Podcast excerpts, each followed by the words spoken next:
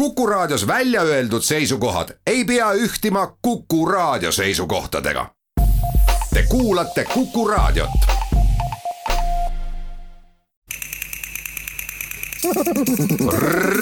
reisirada. kuskohast te siis tulite täna? tulime Viimsist. kaua andis sõita? Tund viiskümmend vist lõpuks tulime, et ennustas algust natuke vähem ja miks te Viimsist Haaskasse tulite? no sellepärast, et eh, see on väga ilus kant ju ja tegelikult ega siin kevadel ju liikuda ei saa ringi, et praegu on väga hea, ma arvan, siin ringi vaadata. Andres Viimsist on varaseks keskpäevaks Matsalu looduskaitsealale kohale jõudnud koos abikaasa ja lapsega meie kõik, kes siia kogunenud oleme, tähistame oma eelseisva matkaga rahvusvahelist märgalade päeva ja Ramsari konventsiooni viiekümnendat aastapäeva. saatejuht Jaak Arin tervitab teid saatesse Reisirada, kus läheme Haeskale, Häädemeestele ja Öördi-Rabasse Soomaal miks ta on oluline, on see, et meil on nii palju neid soid ja meil on ikkagi suhteliselt häid nagu noh, heas seisus. ja samuti seesama, mida me räägime, et näed, nüüd me justkui veel taastame või noh, ravime ja teeme juurde neid väärtuslikumaid soid. Nii et meil on juba seitseteist ala ja, ja kümme ala on nagu potentsiaalsed, mis võiksid kohe ka siis sinna äh, nimekirja saada. Nii ütleb Soomaa loodusgiid ja hea Soomaa tundja Aivar Ruukel. Ramsari konventsioon on seega vanim rahvusvaheline kokkulepe looduse kaitseks ja täna ka ainuke, mis on valminud ühele ökosüsteemi tüübile. tänaseks on sellele alla kirjutanud sada seitsekümmend üks riiki ja kaitse all on kokku kaks koma viis miljonit ruutkilomeetrit. see vastab suuremale pindalale kui Gröönimaa ja kuuluvad sinna ka Wattenmeer, Okavango delta Botswanas, Tšaadi järv ja Biebtsa jõeorg Poola kirdeosas. meie aga olemegi nüüd Haeskas, Tuulingu talus Matsalu lahe põhjakaldal. siinne korraldaja on talu peremees Ants Ale. Meie jaoks on see kõik loomulik ja, ja selline noh, võib-olla jah, et me oleme merele niivõrd lähedal ja, ja kui on lindude rändeaeg, siis kindlasti on eriline just need äh, kümned tuhand-, kümnetuhandelised parved, mis siin liiguvad, mille järgi tulevad inimesed ümber maailma, nii Eestisse ja kui ka siia. asjatundjad ütlevad, et selle meie vaatlustorni asukoht loetakse Põhjamaades top kolme hulka vaadeldavuselt. Ja, ja siin on jah, see liigirikkus on maru suur ja, ja seda tullaksegi nautima. hiljutine EAS-i statistika äh, ütleb, et äh, Eesti riiki külastanud välismaalased, välismaalastest äh, kolmkümmend seitse protsenti äh, kas tuleb Eestisse looduse pärast või soovib looduses viibida. Nad tulevad siia meil säilinud väärtusi nägema, neid nautima, neid vaatlema, nad ei tarbi neid, nad ei lase seal Äh, loomi linde maha, vaid nad soovivad neid näha ja selle elamuse endal koju kaasa võtta. muidugi on oht, et kui praegu läheb nii hooga materjali äh, kütteks kusagile ja lüüakse pindalasid lagedaks, siis kindlasti loodusturism selle all kannatab ja selle kallal, selle, selle tõttu kannatab ka kohalik elanik, kes äh, müüb nüüd majutusettevõtetele või reisikorraldajatele oma tooteid alates toidu toorainest kuni, kuni käsitöö ja muude asjadeni. Haeska küla on allikate järgi ära märgitud juba aastal tuhat kakssada seitsekümmend kaheksa ja seega üks aasta vanem kui Haapsalu linn. Antsu esivanemad tulid siia möldritena juba sada seitsekümmend aastat tagasi. siin oli tuuleveski ja viljakuivati. Jah, ja siis siin jätkus selline tavapärane kaldapealse talu elu, et äh, käidi merel korraldati luigejahti kuni kaitseala, Matsalu kaitseala loomiseni tuhat üheksasada viiskümmend seitse. see oli selline tolleaegse eliidi lõbu pigem, et seda liha ei söödud nii palju, aga, aga oli uhke luike lasta.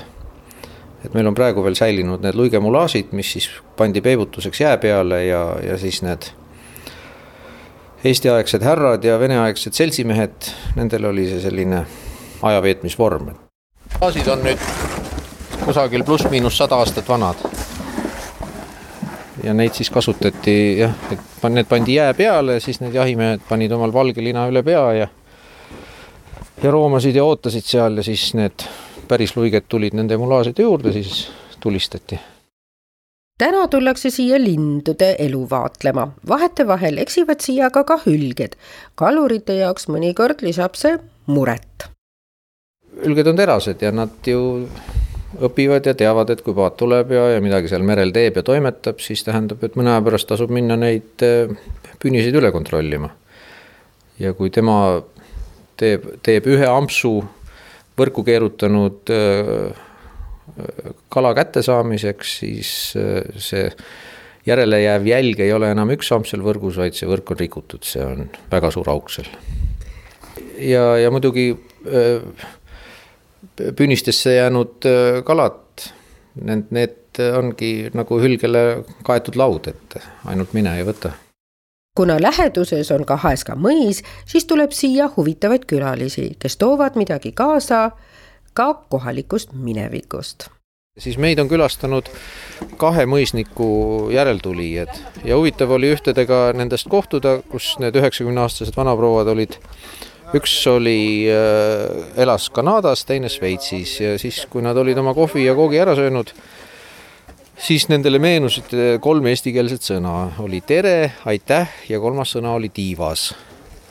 et vot, et mis, mis, mida tähendab tiivas mida tähendab tiivas? Pole õrna aimugi. mida tähendab tiivas? ei tea. tiivas, äh, mul on veel kuurilakas, ma leidsin ühe. Äh, tiivas, äh, tiivas oli tarbeese. tiivas oli nüüd peale luigejahti tarbiti ära see tiiva, tiivaots ja, ja selle tiiva ots, seda kasutati tolmu pühkimiseks ja selle nimi oli tiivas mm. -hmm.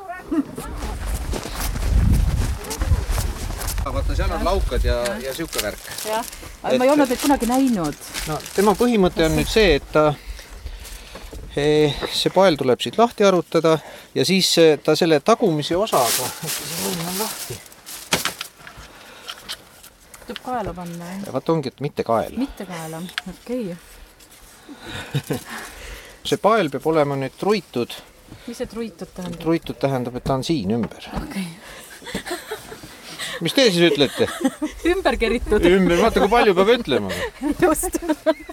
hoiad kõvasti, viskad me oleme siin lühikese jutuga mehed, et mõistan. ja nüüd ta käib nende tagumiste osadega. ta tuleb nüüd kusagile teile siia, vot niimoodi tuleb riputada. vaat kusagile jopele ette või näiteks Aga siin see tasku lahti või nii. no paneme ühe siia. nii, ja nüüd kui on sissekukkumine, siis ta tuleb siit okay. alla tõmmata, eks mhm. ole. et ta oleks siin ees fikseeritud, teil on koht teada, kui on jama, tõmbate need alla. jah, ja siis lööte jäässe, eks ole, et siis saab sealt niimoodi välja ronida vaja on hoida kümnemeetriseid vahesid ja kui jää pragiseb, siis lubab Ants hõigata. aga karta pole vaja ja Ants näitab kätega rahustuseks, et vesi on madal ja ei ulatu rinnuni seisma jääme angerja koha peal. aga kuidas nüüd selle järgi ära tunda, et siin just on see angerja koht? no vaatad sinnapoole, kus seal metsatukk on, vaatad seal, kus see talu on, siis on, on niimoodi, siis vaatad siit enam-vähem roogu ja vaatad sealt, mis paistab ja vot siis ongi siin see koht.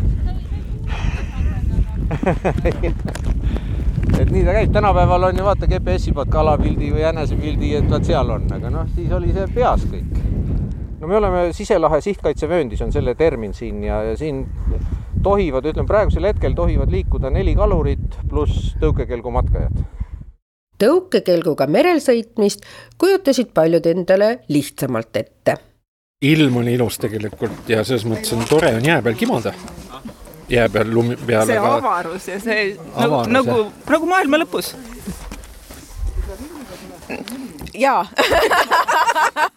Ei, minu meelest oligi see meeletu silmapiir, see valge silmapiir oli niivõrd äge ja vahepeal see päike tuli välja ja siis oled seal keskel, natuke raske oli ka. ega noh, nii lihtsalt ei libisenud, nagu kujutasid ette. Et ainult tõuka ühe jalaga ja, ja lihtsalt le le lendab, aga ei, see kuidagi äge on olla keset, keset mitte midagist. Kõht on ka tühi tegelikult, väga väsitav oli. Et ju kokku tuli, ma ei tea, kus kuus kilomeetrit oli ja ja ikkagi oled väsinud. Need noored Sport. tahavad ka kindlasti seal rääkida. no tore oli selles suhtes, ilm oli nüüd on palju ilusam, no ennem oli ka ilus selles suhtes. ma nägin, et te vahepeal ka ikka niimoodi jalutasite natuke, oli pingutav. no jaa, ikka igiseks sai natuke selja pealt küll. ja lihtsam oli vahepeal jalutada, kui mõnes kohas võis sisse kukkuda niimoodi. Niels, Sten, Triinu, Martin, Kairi, kõik nad arvavad ühiselt, et matk oli väga tore. Ants meenutab kuulajatele ka jaanuari tormi tähendab, vesi oli haripunktis äh, hommikul kella üheksa ajal ja kui ma läksin hoonest välja, siis nägin, kuidas viis rotti ujusid trepi alt äh, kõrvalhoone poole. ja, ja õu, õue tassis merepõhja täis ja sodi, see oli meil mitu nädalat vaja tühjaks kanda ja, ja õues oli palju kala, mida ei olnud vaja püüniseid panna, vaid lihtsalt korviga maast korjata. ning abikaasa Tiina lisab käisime, vaatasime, üks, üks paat oli imelikult ümber puu kõveras mõtlesime, et huvitav, kuidas see paat niimoodi on läinud. selle asemel, et küttepuid varuda. siis kui hommikul ärkasime, siis oli meri meist kilomeeter mööda läinud. Aiska mõisa juurde. küttepuud juba kõik ära viinud ja nii et, et ikka päris karm, karm kogemus oli see. ja mis te kaladega tegite siis? no meie ei teinud midagi, külamees oli õnnelik ja korjas neid. supp ja kook söödud, selg ei aura enam, külalised Viimsist asuvad jälle tagasi teele. väga mõnus oli, et ma ei tea, kahekesi nagu lapsega kelgu peal olles, et siis oli nagu raske lükata. sporti oli rohkem. et käia, käia koos kelguga oli nagu lihtsam et.... aga tasus ära Viimsist hommikul teele asuda? no muidugi tasub, ikka ju ilus koht jah. ja mulle ka väga meeldis üritasin küll kogu kuus koma üks kilomeetrit lõpuni lükata, aga ma arvan, et umbes mingisugune seitsesada meetrit enne jõud nõrkes ei jaksanud enam Te ütlesite, et ei olegi nii, et aina lükka ja sõida? ei no alguses tundus küll, et muudkui vibuta jalga ja ühte ja teist ja kordamööda ja nii see kuus-seitse kilomeetrit täis saabki, aga aga ei, ta on ikka paganama raske jah, läbi lume sahmata. et peaks iga päev tegema? Äh, no peaks tegema erinevaid asju, ma mõtlen, vaata nii palju lihaseid, äh, ei ole ainult ühtesid lihaseid vaja treenida Veronika, mis sul juhtus? mul juhtus nii, et mina läksin alguses kelguga, siis olid pehmed kohad ja mul kukkus jalg sisse ja oli väga tore pärast minna tuule käes veel kolm kilomeetrit. ja külm ei olnud? oli, aga kui sa liigud, siis ei ole külm. mulle väga meeldis. reisirada jääd jätkub ja tõukekelgutuuril mere peal saab osaleda Haskas veel kuni veebruari lõpuni vähemalt. peremees Ants Ale lisas neile, kes mugavamad on, ka alternatiivi. saagis ümbritsevast paarikümne sentimeetrisest jääst lahti kaheteistmeetrise läbimõõduga rõnga ja pani paadimootori abil pöörlema Eesti on märgalade poolest silmatorkavalt rikas riik, kus ligi kolmandik pindalast on kaetud eritüübiliste märgaladega huvi pakuvad rannakumeri, rannaniidud ja roostikud ning rannikujärved ja siseveekogud koos luhaniitudega.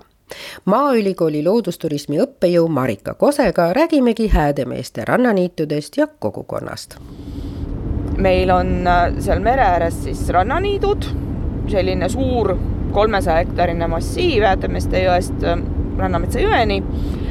Ja seal on väga ilus madal rannikumeri, kus on suhteliselt vähe kive, äh, sellised liivaleeded, äh, mis teevad selle selliseks vaikse veega akvatooriumiks.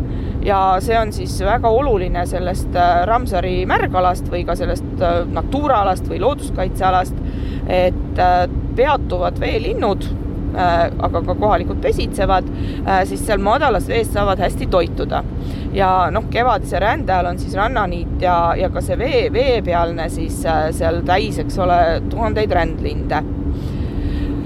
teisest küljest on seal rannikul noh, kui me räägime merest ja mere äärest, siis tuulejõul, eks ole, vanasti liikusid purjelaevad. meie rannas on Eesti esimesed kaugsõidupurjekad ehitatud ja noh, tänasel päeval äh, purjejõul, ütleme siis nii, enam kaupu ja inimesi ei veeta, et see tuule- ja purjejõud on pigem selline sport ja meelelahutus. ja siis ongi seal Häädemeeste rannas see tuul nii-öelda kinni püütud äh, surfarite ja lohesurfarite poolt.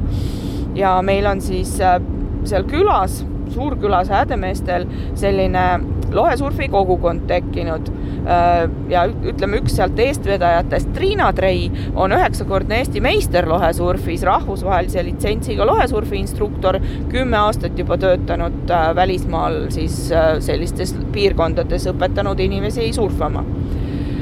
ja siis ütleme, viis aastat tagasi sai see koht nagu avalikuks, peale kohalike käib seal nüüd ka palju võõrast rahvast ja hästi palju lätlasi ning need lohed, tõesti võib seal siis äh, väga hea tuule ja mõnusa ilmaga olla noh, kümneid neid suuri lohesid üleval. Nendel on siis selline, see lohe on nii suur, et ta purjepind siis seal taevas hõljudes äh, meenutab äh, siis nendele maas olevatele või ümbruskonnas olevatele lindudele röövlindu ja see siis hirmutab neid ja kuigi noh, looduskaitsealadel on äh, seal, kus inimesi palju elab ja noh, nii-öelda elutegevus toimub, nagu näiteks Luitemaal on palju igasuguseid selliseid äh, arutamise ja koostöö ja probleemkohti, siis äh, millegipärast on kaitsekorralduskavas just välja toodud äh, seoses turismi ja ja sellise inimtegevusega, et vot seda lohesurfi ja selle mõju peab siis uurima lindudele. Kogukonna matkad on need, millega märgalade juubelit tähistatakse ja, ja räägimegi kogukondadele siis nende ümbruse loodusest, et ühest küljest võib-olla, et siis seda, seda arusaamatust ja lõhet, eks ole, vähendada looduskaitse ja kogukonna vahel, aga teisest küljest just viia sinna seda teadmist, et, et mis väärtused meil siis seal ümber on, mis muidu on meil tavapärased, aga võib-olla kuskilt eemalt vaadates on nad, on nad nagu suured väärtused, et, et pisut sellist ümbermõtlemist ja seda võimalust pakkuda. ja teine asi, et kui see keskkond mingil põhjusel ohtu satub näiteks, eks ole, noh, kas majandustegevuse või arendustegevusega, et siis on inimestel ikkagi need, see teadlikkus ka sellest kõigest, sellest ümbrusest ja ja noh, ka sellest, kuidas need ökosüsteemid funktsioneerivad, et selles mõttes see, see kohalike kogukondade kaasamine on tegelikult hästi oluline osa looduskaitsest ja noh, nagu ma enne ütlesin, et see, see kogukond saab olla liitlane. Kui ta nagu teab ja jagab neid samu väärtusi, aga, aga need väärtused tuleb enne ikkagi nagu selgeks rääkida ja, ja paika panna, et, et seda kommunikatsiooni peab olema rohkem, et et sellepärast on mul hea meel, et Eestis täna sellel nädalal toimub viiskümmend matka loodusesse, kus giide on enne, eks ole, koolitatud, räägitud sellest Naturast ja Ramsarist.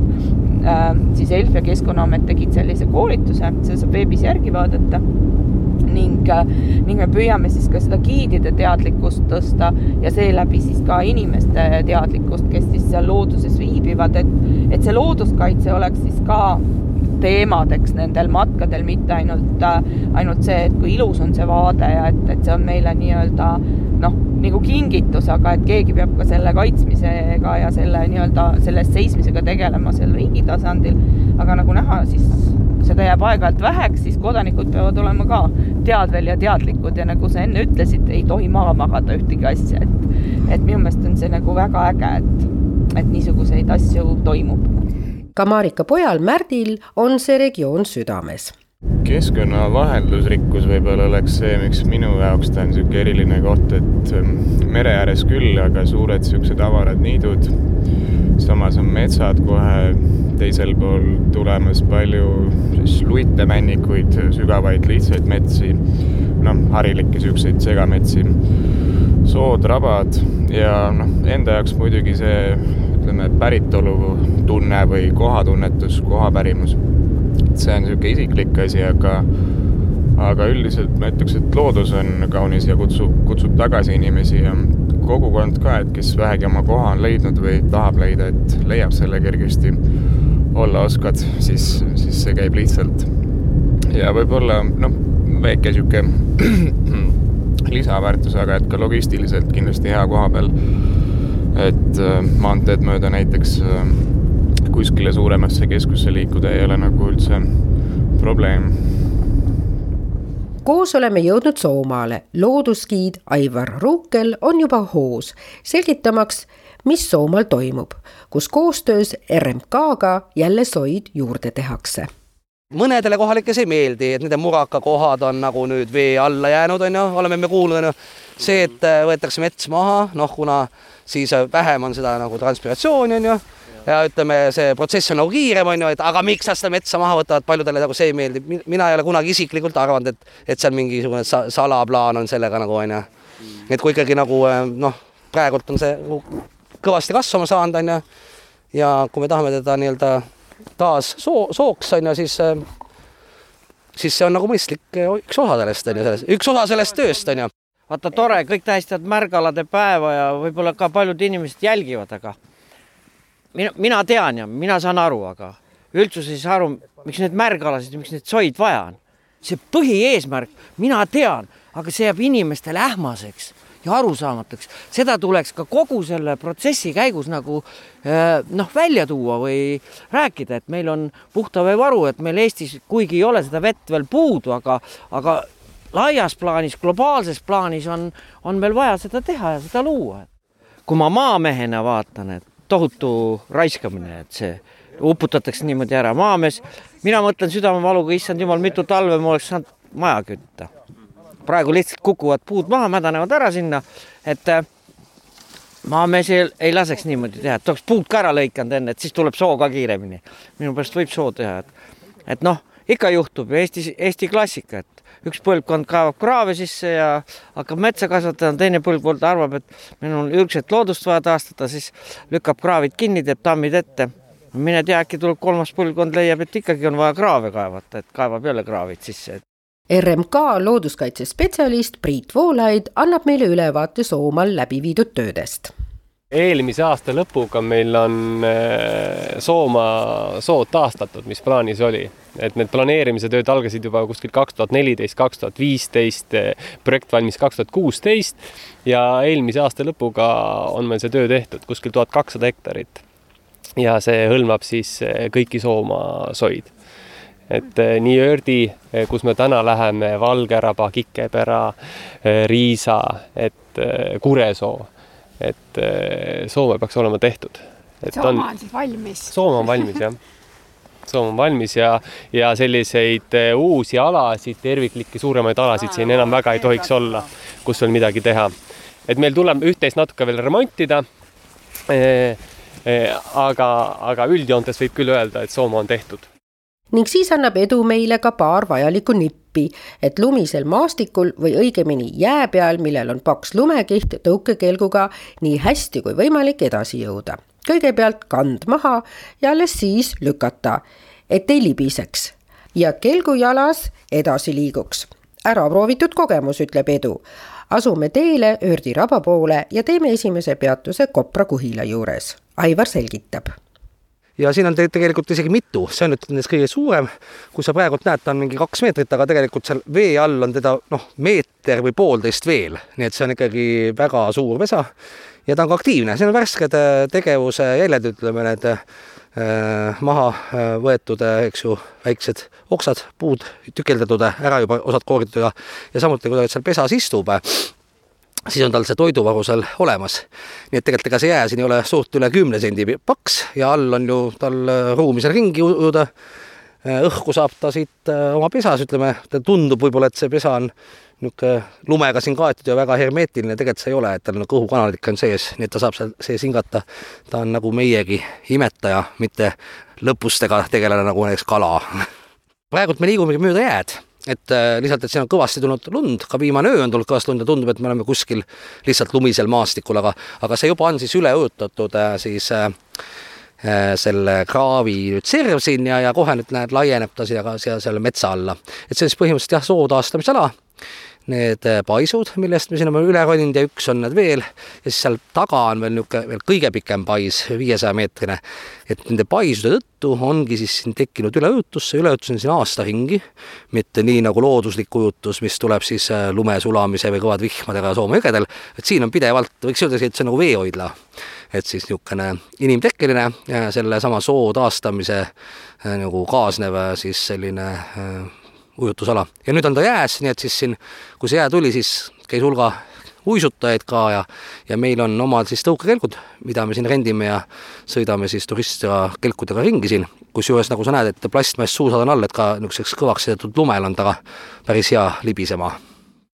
tõukekelkudega saab tulla siia nii kaua, kui jääd on.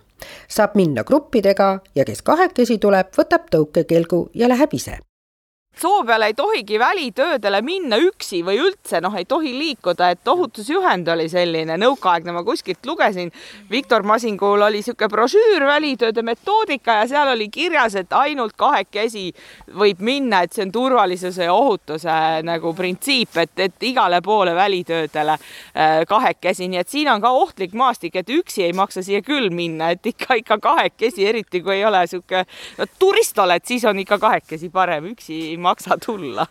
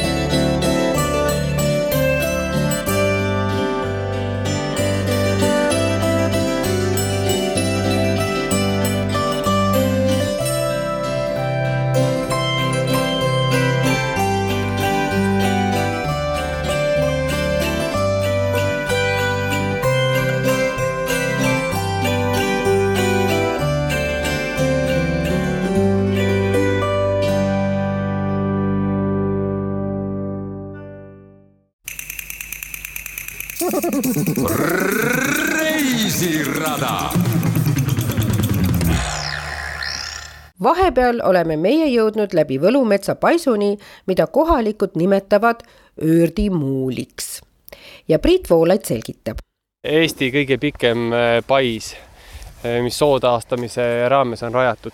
viissada kuuskümmend meetrit on see pikk ja, ja see on, on vajalik selleks, et eh, me saaksime need veed voolama sellisel viisil, nagu nad siis eeldatavasti enne selle kraavi rajamist siin voolasid. Et ma ootan teised ära, see jutt ongi siin eh, me ootame need ära, kes on sisse kukkunud. oled sa kuulnud, mis nime meie sellele panime? ei ole kuulnud. öördimuul. öördimuul, aa. sest no vaatad, on nagu muul. muuli moodi on jah. see on väga huvitav kes läbi jää jala märjaks sai, ei olnud isegi esikolmikus, naeris Aivar ja edu jutustas märgi saapaid jalast kiskudes oma toreda nimeloo. muulil seistes tahtsime ka teada, millal see võib ära laguneda. Priit valgustab meid professionaalina turba mineraliseerimisest ja muutustest, mis toimuvad meil on kohti, kus on näiteks sarnased paisud on totaalselt siukse männiseemikuid täis et võib-olla kasvab siia männik peale või, või et, et männi tingimused on, kasvutingimused on siin Nagu talikee paremad. mõned kohad näiteks täiesti rohtuvad ära, et, et kanarbik on täis läinud mingid kohad, et sa isegi ei saa aru. näiteks kus? Siinsamas meil on ühed, üks parem näide on siin Ördi teisel, teisel nõlval. vanaveski taastamisalaks nimetame seda.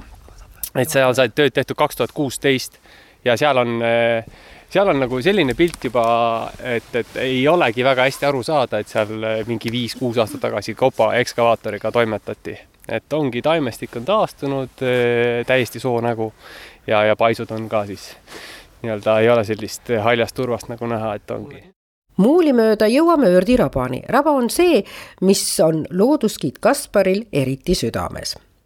Ördi raba on võib-olla selle poolest tuntud, et siin on Ördi järv, mis on siis Balti paisjärv, jäänukjärv, tuhandeid aastaid vanu, vana, et kui see viimane eaaeg, mis siin Euroopas oli, oli kaksteist tuhat aastat tagasi ja kõik see ala siin oli vee all, siis kui ühel hetkel veetase hakkas langema, siis palju vett jäi siia Soomaale lõksu, sellistesse madalamatesse kohtadesse ja selles liikumatus hapnikuvaeses vees hakkasidki siis rabad arenema. ja see, mida me siin näeme, on kuskil kaheksa tuhat aastat vana looduskeskkond. et see on ka nagu põhjus, miks selliseid looduskeskkondi tuleb kaitsta ja hoida. et see on nagu sild tänapäeva inimese ja mineviku inimese vahel, et ja ta omab väga rahustavat toimet ka tänu sellele, ta viib meid ajas tagasi, et siis, kui me olime veel küttkorilased raba suurimaks väärtuseks peab Kaspar rahu ja vaikust, mis meie jaoks täna on muutunud suureks väärtuseks. raba on see, mis seda pakub, pinged ja ärevus kaovad siin. raba õpetab meid äh, seda, et, et see on meie nagu ühisomand, see on meie ühisvara, et ei ole ainult eraomand, et, et see on midagi, mida me, mida me, mida me koos jagame ja hoiame ja austame, et et, jah, käige ka laudradadel ja selle, selles ei ole midagi imelikku, et, et et ei pea otsima alati seda üksildust ja vaikust ainult nagu kuskil erilistel salakohtades, et selle jaoks on seenelkäigud ja nii edasi, et selles mõttes, et rabasse ei olegi üldse lihtne minna ju, et niisama, et selle jaoks ongi laudrada, et sa sinna üldse pääsed, sellepärast et rabamaastik võib olla ka ohtlik nagu sellisele inimesele, kes ei ole teadlik, et et raba on tegelikult ju kõrgsoo ja see turbamass on vett täis ja tegemist on kunagise järvega põhimõtteliselt, et seal on nagu älvi ja laukaid, kuhu võib kinni jääda ja sisse vajuda, et hea on, et kui sa lähed kuhugile matkale, et siis kas matkajuhiga või parem sõpradega koos, et ei lähe päris üksinda, kui sa esimest korda tahad kuhugile metsikusse raba, rabamaastikule minna nagu uitama, et sõpradega koosminekuks on legendide järgi veel teisigi põhjuseid. kes on Mülka Koll? no vaata, see, see võib olla selline müstiline tegelane, et hirmul on suured silmad. kui raba udutab ja, ja on selline hämar ja kuuled loodushelisid, siis fantaasia hakkab tööle ja võid seal näha, kujutleda, kuidas lauka serval selline mõnus, selline puhmas muutub, järsku näed seal silmi nagu helendamas väikseid jõhvikaid ja, ja, ja sellist matsumist ja tammumist järsku kuuled, et omaenda kõndimine muutub järsku selle mulkakolli häälitsemiseks ja nii see läheb, nii need legendid tekivadki.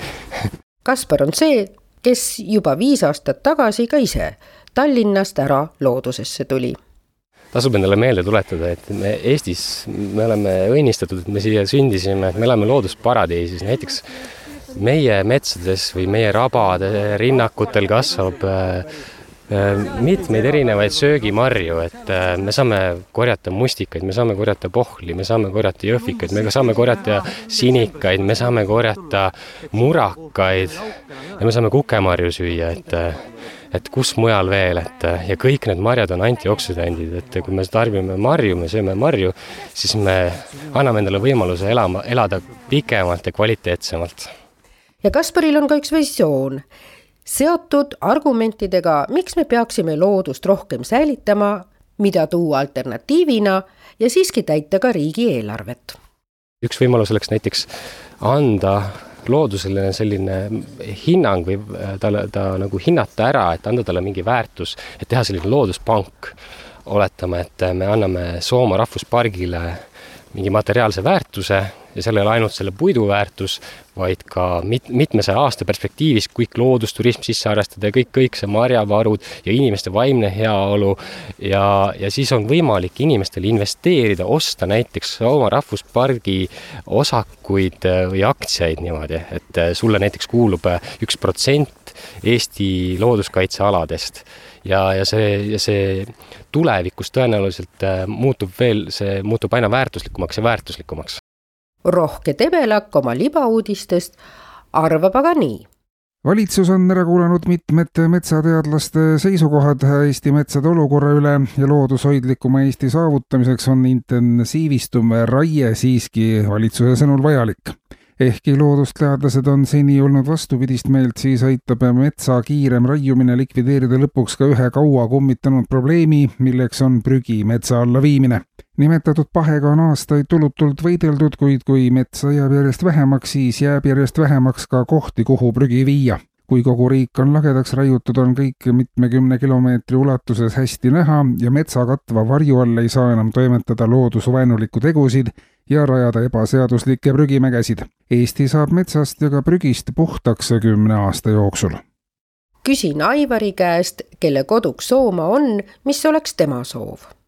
minu soov oleks, et, et ei käsitletaks piiranguvööndit kui mingit ühte sellist äh, nagu äh, tüüpi, eks ju äh,, ala, vaid et sellele tuleks nagu läheneda nagu äh, case by case või noh, igale kohale nagu äh, Äh, spetsiifiliselt ja just, et, et äh, kindlasti erametsaomanikud, kes enda tarbeks äh, teevad kütet või, või vajavad mingit muud puidumaterjali, et nad seda saaksid. aga riigimets, mis siis rahvuspargis on, see võiks olla siis loodusel omapäi nagu noh, nii nagu ta siis kujuneb ja, ja muutub ja areneb nüüd tuleb isegi päike välja ja näitab lumist metsa veel imelisemal viisil. oleme oma matka lõpule jõudnud. kui me autode juurde jõuame, siis jumal teab, kõik hakkavad ära jooksma, et võib-olla praegu on paras aeg kokku võtta üldse.